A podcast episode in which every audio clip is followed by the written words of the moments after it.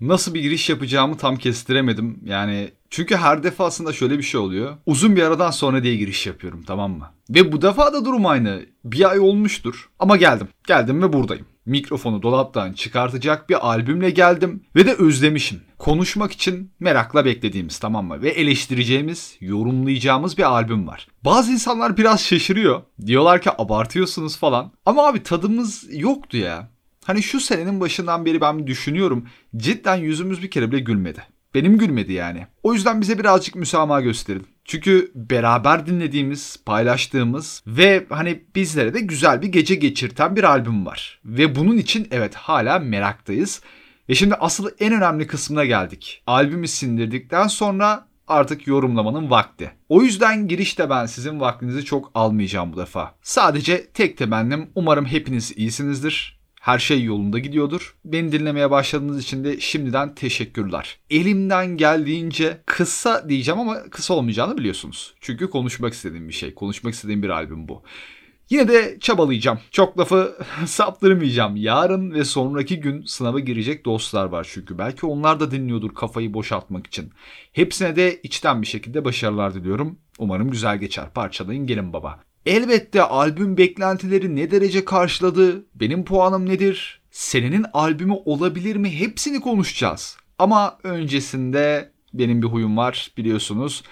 Biraz tarihi geriye alıp Motive'nin genel durumundan, bizim beklentimizin ne yönde olduğundan ve albüm öncesi piyasanın halinden bahsetmem lazım. İki ayrı albüm, bir tanesi solo, diğeri de ortak olmak üzere EP'den sonra bu arkadaşlar Motive'nin kaçıncı Üçüncü stüdyo albümü. Artık tamamen sanırım kendisinin elinde olan Savana'dan çıkardığı ikinci albüme de aynı zamanda tekabül etmekte. Şimdi biz Motive'yi her daim altın çocuk olarak görmüştük. Ya elbette katılmayanlar vardı hani balon diyenler vardı ama genel görüş yeni jenerasyon denildiği zaman aklımıza gelen ilk isimlerden birisi Motive'ydi. Yalnız Motive'yi en altın çocuk görenin bile şöyle bir lafı vardı. Abi potansiyelini daha tam kullanamadı. Bu hep devam etti. Tamam ilk e, Output Number One'da hani bunu demeye gerek yoktu ama Makaveli geldi devam etti. 22 geldi devam etti. Her daim diyorduk ki Motive evet iyi çocuk güveniyoruz yeteneğine ama potansiyelini tam olarak yansıtması lazım. Şimdi 22 albümü geldiğinde açıkçası şunu düşünüyorum ben 22 üzerine konuştuğumu ve 3 verdiğimi 5 üzerinden hatırlıyorum. Şu an bir baktığım zaman itiraf edeyim abartmışım. Biraz abartmışım. Benim fikrim bu. 22 üçlük bir albüm kesinlikle değil. Daha düşük. Daha düşük.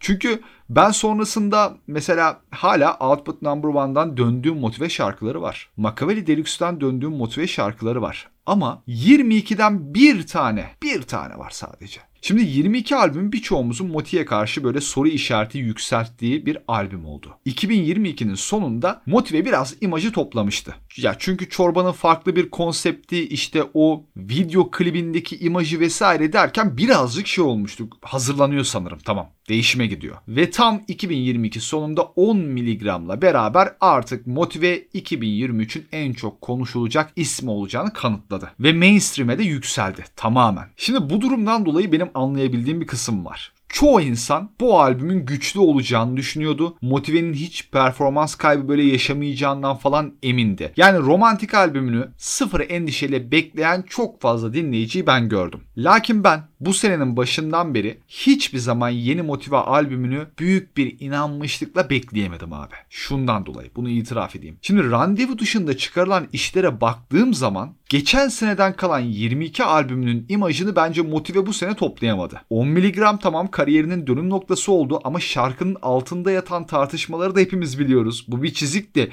Tamam ben üzerine çıkıp çok büyük büyük böyle bas bas eleştirmedim. Neden eleştirmedim? Şundan emindim. Bu ikinci bir kere yaşanmayacaktı. Ama yine de 10 miligram bir çiziktir benim gözümde. Senenin içinde de 2023'ün devamında çok başarısız paralı bir düet. Motive'nin sözlerinde gözle görülür bir boş vermişlik derken albüm öncesinde benim durum şuraya gelmişti. Gerçekten bu albüm Motive için her şeyin belirleyicisi olacak ve benim artık umudu azaltma ihtimalim artıyor. Tamam bekliyorduk Evet yeni albümü hani bekliyorduk heyecan yaratıyordum ben de Twitter'da falan. Lakin içten içe düşüncem buydu. Ama motive üzerinde garip bir durum var. Ben kendisinin çok içe dönük olduğunu düşünüyorum. Ya siz de fark ediyor musunuz bilmiyorum ona hani dikkat ettiniz mi? Mesela diğer yeni jenerasyondan hatta daha ya her yaştan rapçiyi düşünün tamam mı? Sürekli bir açıklama, tweetler, işte milletle arada tartışma, magazin olayları, ne bileyim röportajlar falan. Tamam ya kötü bir şey değil bu. Ya çok etkileşimde bulunuyorlar. Hani evet bir rapçiler, bir celebrity hatta onlar. Ve bu durumdan dolayı biz müzik dışında hal ve hareketlerinden de bu adamlar hakkında yorumda bulunabiliyoruz. Ama motive çok sessiz sakin abi. Kendi köşesinde. Jay-Z de öyledir ya mesela. Bak Jay-Z ile çalışan herkes Jay-Z hakkında utangaçlar. Çok utangaç kalır der.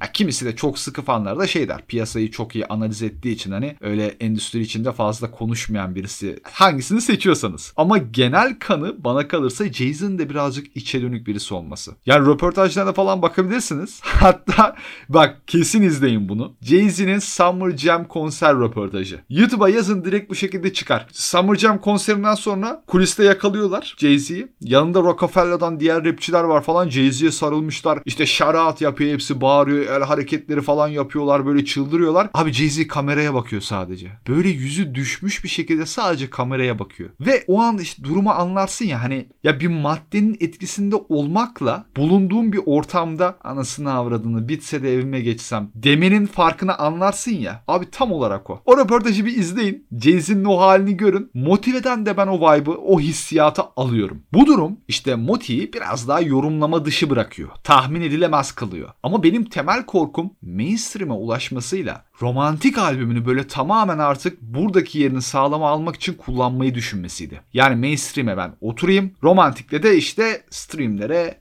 hükmedeyim. Ben bundan korkuyordum böyle bir şey yapar mı diye. Yalnız bütün bunların arasında yükseldik abi. Hala umut ettiğimiz şey Motive'nin albümüydü. Ya şimdi diyeceksin baba he, bunca şeye rağmen niye hala Motive albümüne bu kadar yükseldin? Abi 2023'te birlikte tamam mı şu 6 ay boyunca piyasa, Türkçe rap piyasası e, tek kelimeyle çok özür diliyorum kusura bakmayın sik koydu. Salt trap tarzının ömrünün tükenmesi benim açıkçası beklemediğim bir şeydi. Yani bu kadar hızlı ben trap gider diye düşünmüyordum. Ama bu olunca elbette oklar değişti. Şimdi drill geldi yalnız o da çabuk tükendi gitti. Yani trap'in o yarattığı piyasa boşluğunu tutturamadı, dolduramadı. Latino trap denendi, afro trap denendi. Bunlar da pek işlemedi. Daha underground diyebileceğimiz yeni jenerasyondan isimler Türkiye'de Amerika'daki alternatif olarak yükselen o tarzları gördü ve işte yer altında birazcık denemeye başladı. Daha cloud'a dönüş oldu mesela daha rage beatler oldu. Scammer rap mesela şu an Jersey Club falan konuşuluyor. Ya bunları gördük underground'da. Ama elbette abi Aziz Türk milleti tabii ki de sandığa giderek bu boşluğu neyin dolduracağına dair kararını yine şaşırtmadan verdi. Arabesk soslu, Apache beatli, yerli ve milli rap müzik. Milletimin kararı. Yani bu benim milletimin damarıdır abi. Yıllar geçer tamam mı? Unutuldu sanarsın sen. Ama Türk milleti bir kere daha biz buradayız diye hatırlatır. Bu kaçınılmaz. Ülkede müzik boşluğuna düşüldüğü an yapıştır. Bu formülü yapıştır.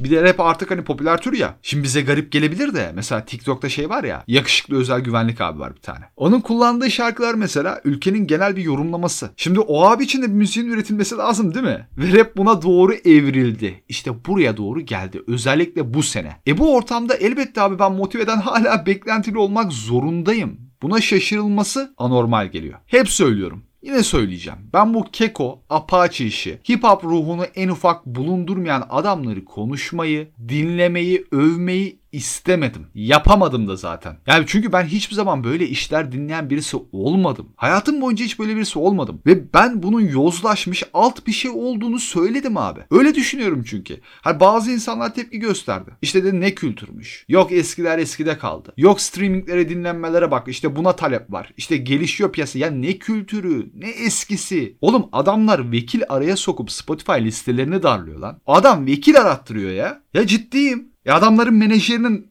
malum kişilerle boy boy fotoğrafları var her yerde. Sen ne anlatıyorsun ki? Sen ne anlatıyorsun ya? Başından sonuna yoz, cidden başından sonuna yozlaşmış, başından sonuna çomarlaşmış bir piyasaya doğru gidiliyor. Hip hop'la zerre alakası yok. Bunca paranın döndüğü bir olaya, bunca paranın döndüğü bir yere sen siyasetin ve yozlaşmanın karışmayacağını düşünüyorsun? Keşke anlatabilsem bütün bildiklerimi de işte. Sonra da diyorlar ki yani böyle isimleri hani övüp övüp duranlar var. Karşımıza böyle bu isimleri puşlaya puşlaya işte konuşmayanlar da bu isimleri çok kasıyor abi aman dinle geç diye bir algı oluşturmaya çalışanlar var. Hadi oradan oğlum ya. Abicim müsaade et sevdiğimiz kültür yani bununla yatıp bununla kalkıyoruz. Birazcık hani bunun üzerine de düşünelim, konuşalım, eleştiride bulunalım değil mi? Neyse ama. ya yükselmeyelim. Yalnız tek diyeceğim. Durum buydu. Durum buydu. Ondan neden beklediğimi, korkarak, çekinerek de olsa neden bu albümü bel bağladığımı anlamışsınızdır. Ben sadece bunu anlatmak istedim. Şimdi birazcık albüme doğru geçecek olursak, da çıkış aşamasından tabii.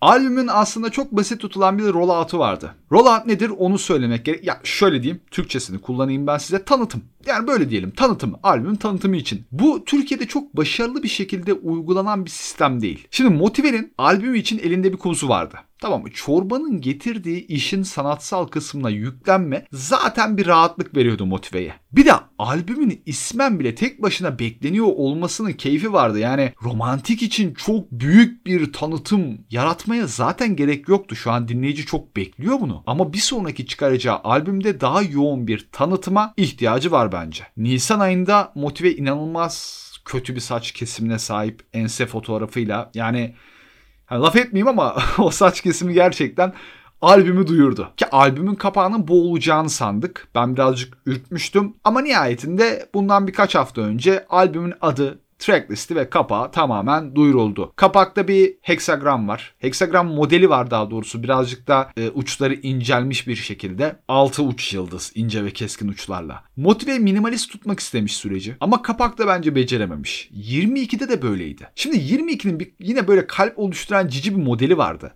Ama bu hani romantiğin kapağı gerçekten iç açıcı değil abi ya. Yani bir de minimalist takılmanın temel amacı aslında akılda kalan ve kullanımında kolaylık sağlayan, kolay kullanımla daha çok insanlar arasında yayılabilen bir şey ortaya çıkarmak. Ben bu albüm kapağını bir yerde kullanmak istemem. Romantiğin kapağını. Mesela birkaç örnek vereyim. Amerika'dan ilk aklıma gelenleri söyleyeyim. Drain, If You Are Reading This It's Too Late diye bir mixtape'i var değil mi? Onun kapağını bilirsiniz. Beyaz arka plan üzerine kırık fontta bu yazı yazar. Onun ne kadar çok tişörtü basıldı var ya Amerika'da. Ya çok bir olay yok ki minimalist bir şey işte. Kırık fontta bunu yazmış. Ya da Kanye'nin işte 808 and Heartbreak kapağı. O kapak üzerinde o minimalist simge üzerinde ne kadar çok oynanarak yüzden farklı fan artwork'u çıkartıldı. Ya bunlar benim için minimalist kapak tasarımları bence böyle olmalı. Ama işin bu kısımlarına girip de yani çok eleştirmek istemiyorum. Çünkü bazılarının düşüncesinin aksine bazıları motive için genç goat falan dese de abi motive hala arayışta zaten. Ben onu düşünüyorum. Motive hala arayışta. Motive gerçekten daha kendini bulmaya çalışan birisi. Yani bir motive standartı oturtamadı. Bunu konuşabiliriz diyorsanız. Yalnız ben hala buna inanıyorum. Motive standartı henüz yok. Sene içinde mesela Yiğit gibi giyinmesi ya da Yeezus meske böyle tav olması. Bunun çok ufak basit örnekleriydi. Ama romantik Moti'nin bence mainstream için temel kaygısı şöhret ya da para olmayan ve ileriye abi.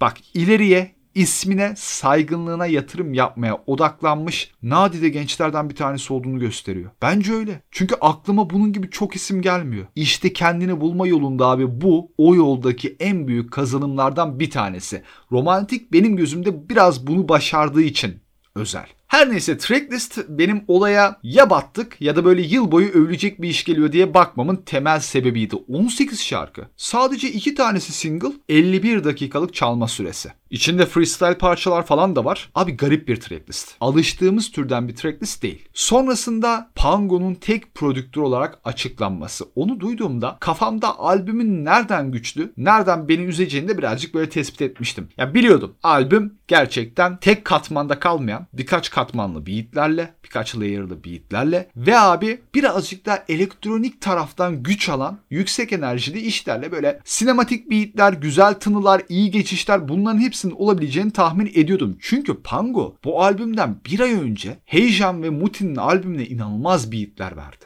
Bir daha söylüyorum o albümün hakkı olmayan türden beatler verdi. Ya ondan dolayı tahmin edebiliyordum ama şunu da düşünüyordum. Benim e, çok sevdiğim, aşığı olduğum türden beatleri duyamayacağım. Duyamadım da. Benim sadece kişisel tercihim ama. Albümün bir eksi yanı olarak söyleyebileceğim bir durum değil. Düetler keza aşırı minimal. Bu da aşırı yani minimal bir düet listesi varsa nedir sanatçı ben kendime güveniyorum. Karizma bunu söyler. Albüm öncesi biz böyleydik. Şimdi kaç dakika oldu bilmiyorum ama ya birazcık albüme giden yolda bunları konuşmak lazım. Yavaş yavaş artık beklediğimiz kısma albümü yorumlama ve son olarak kararı verme bölümüne artık geçebiliriz. Lakin öncesinde Öncesinde şunu da söylemek istiyorum. En sonda söylenmesi gereken bölümü ben kendi yorumumla ve cevabımla şimdiden belirtmek isterim abi. Album of the Year yani senenin albümü olabilir mi? 2020, 2021 ve 22. Bu sorunun cevabını ilk bakışta kalbimi çalan albümlerle ben bu 3 senede rahatça verdim. Ve sene sonuna geldiğimde bu 3 senede hiç ikileme düşmemiştim. Sırasıyla 90 nesli dedim, kronik dedim, Trakya manevraları dedim. Senenin albümü diye kendimden çok emin bir şekilde belirtebileceğim ve arkasında duracak böyle sayısız argüman yapıştırabileceğim işler. Elbette tamam romantik için de aynısını söyleyenler çıkabilir. Sağlam argümanlarla bunu da destekler ama benim için romantik senenin albümü değil. Önümüzdeki 6 ay boyunca dinlemeye devam edebilirim ben bu albümü. Tekrar tekrar incelerim dilerseniz ama şimdiden 3 kere baştan sona döndüm hatta dörde yaklaştım. Yine de Album of the Year senenin albümü demeyeceğime eminim abi. Ha 6 ay boyunca bakarsınız bunun üstünde hiç albüm çıkmaz. Daha iyi hiç bir albüm çıkmaz. O zaman da senemi yani en iyi albümü seçmeden kapatırım. Bir albüme yılın albümü diyebilmek için bir kere o albümü her klasmandan ele alıp ne kadar bütün standartları doldurmuş görmen lazım. Albüm uzunluğu ve içinin doluluğu mesela dinleme keyfiyle nasıl bir orantıda? Buna bakman lazım. Albümün anlatısı ne kadar güçlü gör görmen lazım. Uçmuş rap performansları. Kaç şarkının kaçında var mesela? Çoğunluğu oluşturuyor mu? Bunu tespit etmen lazım. E tabi bütün tartışmayı sonlandırabilecek bir laf var. Kişisel zevk. Ona sözüm yok. Ama benim için bu albüm senin işi olabilecek klasmanda değil. İyi olduğunu düşünüyor muyum? Elbette. Ama e, neyse tamam. Bunları daha sonra konuşuruz. Albümün içine girdiğimizde tek tek. Sadece geçmeden önce son bir kez şunu söylemek istiyorum. Bir albüm ne kadar seviliyorsa anında büyük bir gazla bir gecede ne kadar övülüyorsa o kadar da sevmeyen ortaya çıkar. Kimi gerçekten sevmez çok normal bir şekilde. Kimisi de gıcık olur. ya hayatın bir gerçeği bu. Hani ya bu müzikle değil her yerde karşılaştığınız bir şey. Bir şey çok övülüyordur böyle adam gıcık olur. O yüzden abi saygı duymak lazım. Siz ne kadar sevdiyseniz aynı derecede sevmeyeni de göreceksiniz. Özellikle Twitter'da birkaç böyle yorumlama falan yorumlaşma daha doğrusu mentleşme diyeyim pardon. Okudum yani abi yani gerek yok. O albümü beğenmemişsin farklı olmaya mı çalışıyorsun falan. Gerek yok böyle sözlere bence. Şimdi ama albüme geçebiliriz. Bir kere motive intro konusunda aslında 22 albümüyle zaten başarılı olduğunu ve bu işe de kafa yorduğunu bize gösterdi. Tamam bak şimdi elbette romantiği görüyorsun. Başlangıç parçası Damla daha çok intro ruhu veriyor. Albüm açılışı için daha uygun. Bunu düşünenler var. Ben buna bir nebze katılabiliyorum. Çünkü introyu düşündüğümüz zaman genelde aklımıza daha dinlendirici, albüm öncesi böyle hazırlık, yatıştırma evresi gibi işler geliyor. Ve Damla da çok sakin. Albüme daha rahat bir şekilde girebilmeyi sağlıyor. Ama albümün bütün ruhunu tasvir edebilen, bak bu önemli. Sizce albümün bütün ruhunu yansıtabiliyor mu? Ortaya koyuyor mu mesela? Veyahut introlardan daha özel, diğer introlardan daha özel ve ayırt edici durabilen bir tarafı var mı? Ben sanmıyorum. Öte yandan 22'nin açılışı Savana'ya baktığımızda tamam Savana belki introdan öte böyle daha bir albüm ortasında çıkabilecek banger şarkıya benziyordu. Ama abi gözden kaçan bir detay var. Savana şarkısı Motive'nin böyle kariyerine açtığı yeni sayfaya çok güzel bir ön sözdü. Evet. Bu açıdan albüm girişi olarak değil aslında yeni bir kariyer girişi olarak da orada duruyordu. İşte ben o yüzden Hani Damla'yı çok öven gördüm tamam katılıyorum ama intro oyunu Motive'nin yabancı olduğu bir şey değil. Bence 22 açılışı Savana'yla daha güzeldi. Ama Damla'nın da hoş bir açılış olduğu ortada. Böyle bir gerçek var. Şimdi Aşkın Nur Yengi Yalancı Bağır şarkısına o şarkının cover'ını Selin Geçit isimli arkadaşımız o şarkıyı coverlamış. Oradan sample alınmış. Orası kullanılıyor. Girişte, sonda, nakaratın bazı kısımlarında. Sözler ortada. Uğraşılan bir beat var. Şarkının yapısı da güzel. Damla çok özel bir intro olmamakla birlikte albüme giriş için özellikle 6. şarkıya geldiğimizde bir duracağım. O zaman daha net bunu anlatabilirim. Güzel bir seçimdi. Sıradaki randevu parçası zaten benim için çok başarılı bir tekliydi. Akıcı bir şarkı bir kere. Daha melodik ama kısa olmasına rağmen hırslı bir verse de içinde barındırıyor. Yeni çıkanları konuşurken randevudan ben bahsetmiştim. O yüzden sizleri bir şarkıya götürmek lazım. Sıradaki şarkı. Albümün en çok beklenen, bu yüzden de üzerine en çok görev düşen şarkısı Swim. Hayati bir seviyedeydi bu şarkı. Bir piyano beat, oynanmış bir ses. Garip bir açılış. Şarkının açılışı garip abi. Ama o ruhu duyunca Swim parçasının girişinde kafamda belirdi. O distorted sesler, o piyano, sakin piyano üzerine dedim tamam dur. Aklıma şey geldi. Injury Reserve'ın What a Year It's Been diye bir parçası var. En sevdiğim Injury Reserve parçasıdır. Çok güzel bir şarkıdır. What a Year It's Been. Abi orada İlk verse'ten sonra yine böyle distorted bir mırıldanma gelir. Ya Sivim'in introsundan birazcık farklıdır hani bu sadece mırıldanma burada ama ora aklıma geldiği an şunu dedim. Aha abi patlama kısmı geliyor. Patlama kısmı geliyor. Çünkü Injury Reserve parçasında da böyleydi. Aradaki ilk verse'ten sonraki interlude'da bir verse geliyordu biter bitmez ikinci verse çok böyle hırslı agresifti. Aynısı Swim'de de geçerli. O piyanodan, o garip okuyuştan sonra beat'in aniden drop girmesi, kısa ama harbiden yırtıcı bir ilk verse. Abi işte bu kısım zaten bak Swim parçasının bu kısmı zaten gece çoğumuzu böyle aniden tweetle butonuna doğru atağa geçirdi.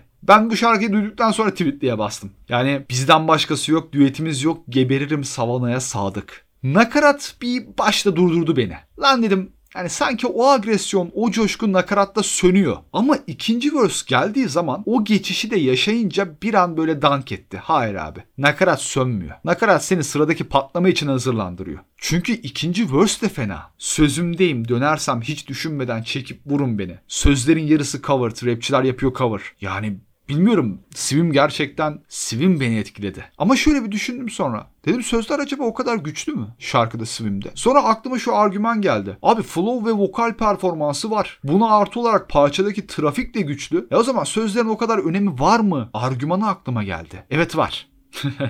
Hala var tabii ki de.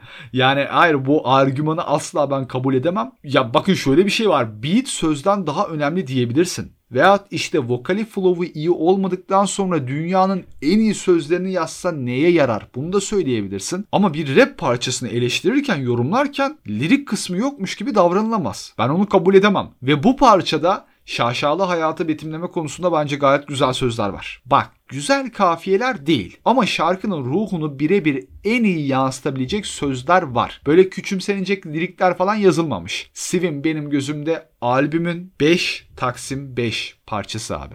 İlk dinleyişte favorimdi. Hala benim için Swim favori. Hanımefendiye gelince yalnız bir şeye karar verdim. Albüm belirli bir kompozisyonda olmayacaktı abi. Yani bu biraz belli olmuştu. Zaten ya bir şey ben açıkça söyleyeyim. Ben hala Motive'nin bir saati yakın bir albümü kompozisyona oturtup birbirine bağlı şarkılarla ilerleyen şekilde yapabileceğini düşünmüyorum. Öyle bir albümü hala henüz ben yapabileceğini düşünmüyorum. Bende o izlenimi bırakmadı. Ya çünkü bu cidden top tier MC işi.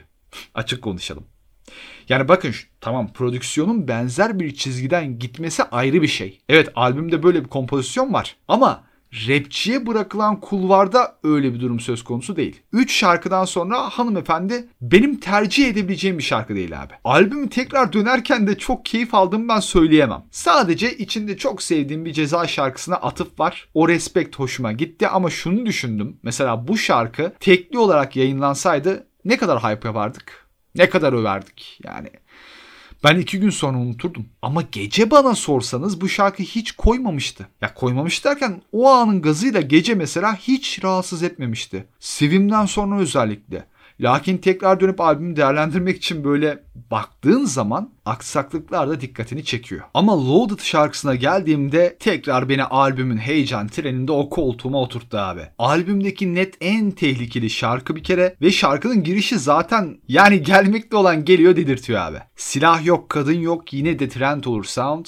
Dinlediğimiz İstanbul'du, yaptılar Arabistan. Kim Moti'yi sinirlendirdi bilmiyorum. Bunu genel olarak yani şöyle diyeyim genel piyasa için yazmadığına ben eminim. Yani direkt bir gönderme yok farkındayım. Bu arada sözlerin altında bir şey arasanız da bence bulamayacaksınız. Ben bulamadım. Ama yazarken kafasında bir iki ismi canlandırmış. Bir iki rapçiyi canlandırmış. Onların fotoğraflarını böyle hedef tahtasına koymuş ve abi sıkmaya başlamış. Mesela Nas'ın Nas is Like parçasında bir sözü vardır. Ben çok övüldüğünü görmedim bu sözün çünkü okuyuş şekli biraz agresifliğini kısıtlıyor. Ama bence aşırı tehditkar ve etkili bir söz. Nas orada diyordu ki On the rooftops, tape CD covers the trees, line the barrel up with your weak picture, then I squeeze.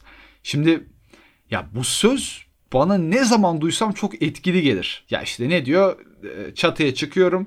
Ağaçlara senin CD coverlarını koyuyorum. Namluyu kaldırıp nişan alıp o CD coverlarındaki o zayıf fotoğrafına sıkmaya başlıyorum. Bu şekilde bir söz. Şimdi ben Loaded parçasında nakaratın bir tık basit kaldığını ve ikinci verse'ünde ilk verse gibi hani o agresifliği aktaramadığını düşünüyorum. Ama Loaded da benim albümdeki favori şarkılarımdan bir tanesi oldu. Çünkü ben bu şekilde agresif bir motive görmeyi de özlemişim. Ceza'nın mesela Suspus parçasındaki o hani dikkatli izlersen anlarsın haklı Megatron sözü var ya ona da bir gönderme var katılmadığını söyledi. O, o da enteresan kısımlardandı. O kesinlikle bir diss değil zaten söylemeye gerek yok bu gayet belli ama bu şekilde birazcık daha hani cüretkar da diyemem ama yine de sansasyonel kaçabilecek sözler yazılmasında ben seviyorum abi. Şimdi ilk 5 şarkı sonrasında devam etmeden önce ben bir durmak istiyorum. Beni albümün 5 şarkıyla ilerleyişi gerçekten gaza getirdi. Ve ben başarılı olduğunu düşünüyorum. Bakın bir kere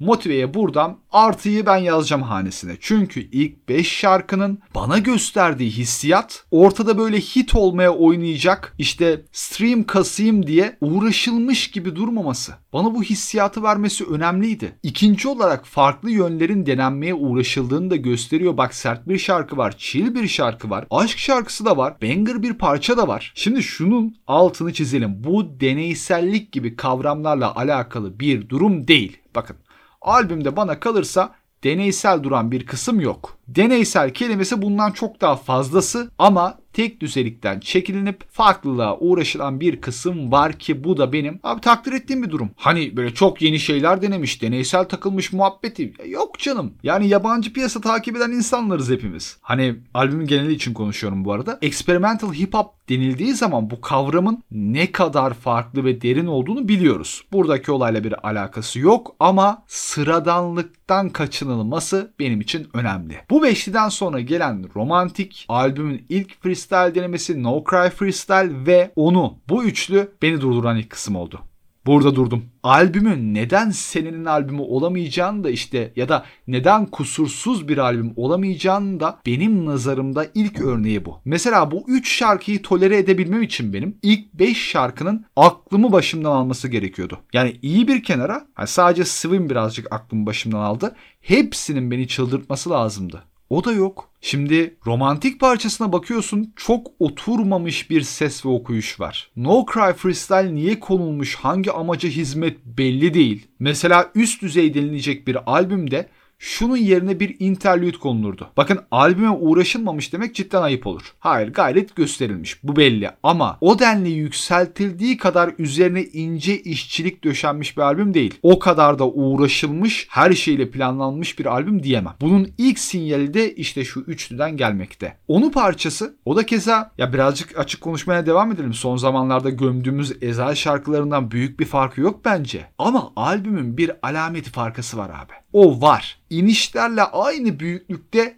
çıkışı da var. Örneği Exorcist. Parçanın Exorcist şunu söylemem lazım. Klibiyle dinlenilmesi gereken şarkı. Bu şarkının hakkı bu abi. Gerçekten klibiyle beraber bu şarkıyı lütfen dinleyin. Yani 10 adamın basketbol sahasında toplanıp da klip çektiği dönemlerden buraya gelmek övmem gereken bir kısım. Abi neyini öveceksin? Çok prodüksiyon olduğu için mi? Yani çok para harcamaya başladılar. E, haliyle daha iyi. Hayır. Ne çok parası? Sahneleri bir izlesene abi. Çatıda çatıda şehre baktığı sim kartı kırdığı sahne. Ondan sonra hemen gelen evin içinde ufak mahalle düğünü sahnesi. Motive'nin tavırları. Mahalle düğünü arasında hemen kapının önünde ulan evleniyoruz ama benim hayat, benim hayat diyerek sigara içtiği motive sahnesi. Sigara içerken mahalleden bir dayının kapıya doğru geldiğini görünce sağ elden sigarayı sola alıp sol eli arkaya doğru atıp dayının elini sık.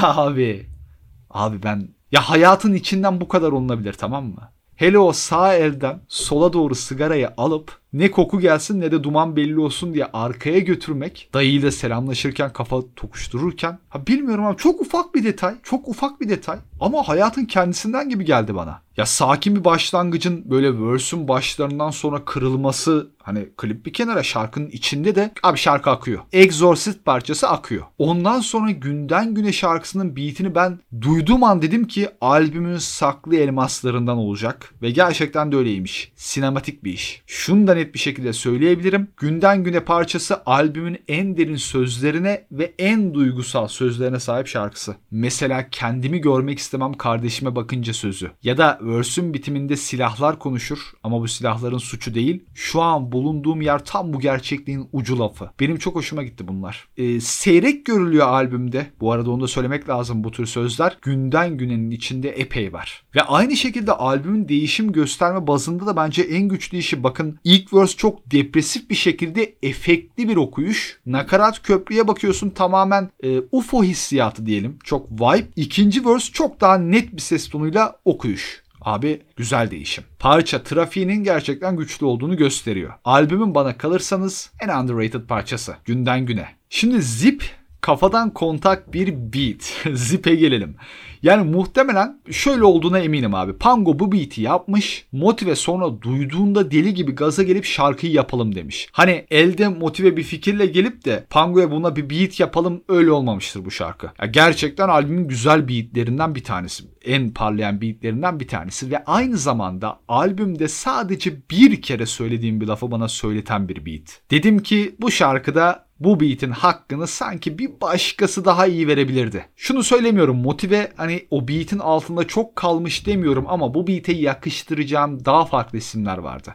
Evet motive de kasmış kendini yani birazcık zorlamış ve albümde olması gereken bir şarkı bence Zip. Ama dediğim gibi bir başka böyle benim beğenebileceğim kafamda birkaç isim var da iyice düşündükten sonra söylemem gerek. O yüzden şimdi söylemeyeyim. O isimlerden birisi olsa sanki çok daha iyi gidermiş dediğim bir parça. Şimdi tekrar açık bir şekilde söylemem gerekirse 11. şarkıdan sonra çok da yükseldiğim, üzerine de uzunca konuşmak istediğim bir şarkı ne yazık ki yok. Bu da abi albümün bence dinleme süresine yenildiğini gösteren bir detay. Albümün sonları gerçekten bir düşüş ve bu düşüşü o kısımda durdurabilecek bir şarkı da yok. O yüzden albümün sekansının çok da başarılı planlanamadığını gösteren bir detay ayrıca. Ne yazık ki. iki tane Hefe düeti beni etkilemedi abi. Yani çok kısıtlı düet var. Onlardan da hani özel bir şey bekliyordum pek beklediğimi alamadım. Albüme ilk açıklandığında farklı bir tat katacağını düşündüğüm freestyle'lar bence başarısız. Hiçbir göreve yani hiçbir amaca hizmet etmiyorlar. Size bir şey diyeyim mi? Motive ve Uzi'nin Insta'da serbest stil miydi ismi? O şekilde hani videolar yaptığı, live yaptığı zamanı hatırlıyor musunuz? Ona benzer bir kafada freestyle olsa düşünün bunlar yerine. Hayal edin abi aynen öyle.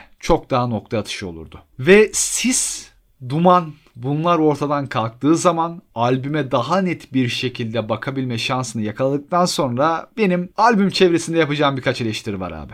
Önce ben bunlarla başlamak istiyorum. Albümün kötü olmadığını da iyi yanlarını konuşurken zaten hatırlarız. Lakin albüm planlaması ve albümün düzeni 18 şarkının altında abi can çekişiyor ezilmiş. 18 şarkının altında ezilmiş. Ve albümün inişli çıkışlı bir şekilde devam etmesi de yani yine ortada öyle başarılı bir albüm planlaması olmadığını göstermekte. Onun dışında düşünüyorum sıradaki şarkı ne diye merak ettiren bir süreç var mesela albümde. Bak gerçekten bu şekilde albüm dinlemeyi özlemişim. Tamam mı? İlk 11 şarkıda özellikle sırada ne geliyor diye ben bekledim. Bu ya albümün bunu e, pozitif hanesine de yazabilirsiniz ama 11. şarkıdan sonra o heyecan da duruyor. Gerçekten duruyor. Şimdi kimi yerlerde bakıyorsun tam oturmamış motive vokalleri var. Morty'nin daha henüz hala kendi kimliğini bulamadığını gösteren şeyler bunlar. Ve bir muhabbet o muhabbete e, gireyim abi. Makaveli Deluxe'dan sonra orada hatırlarsanız duygusal böyle iç parçalayan motive şarkıları vardı.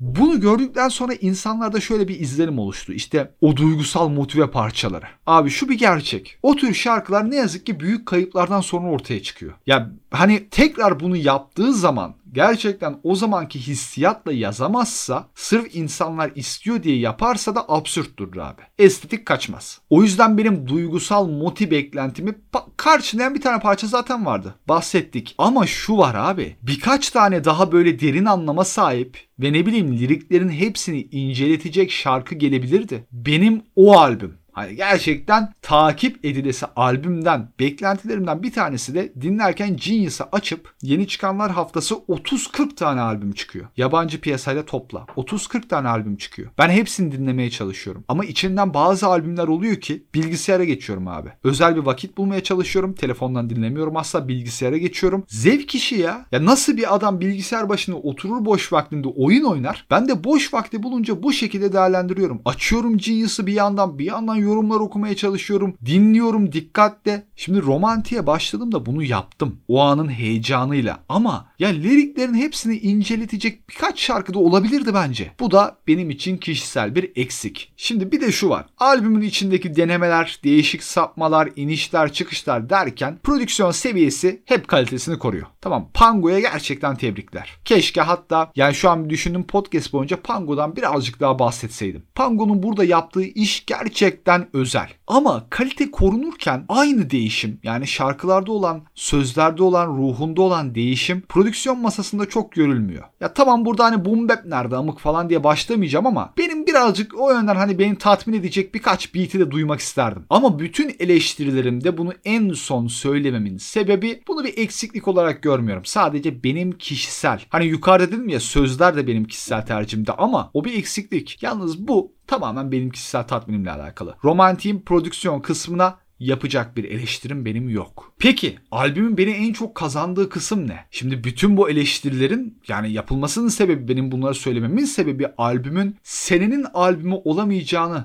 söylemek içindi.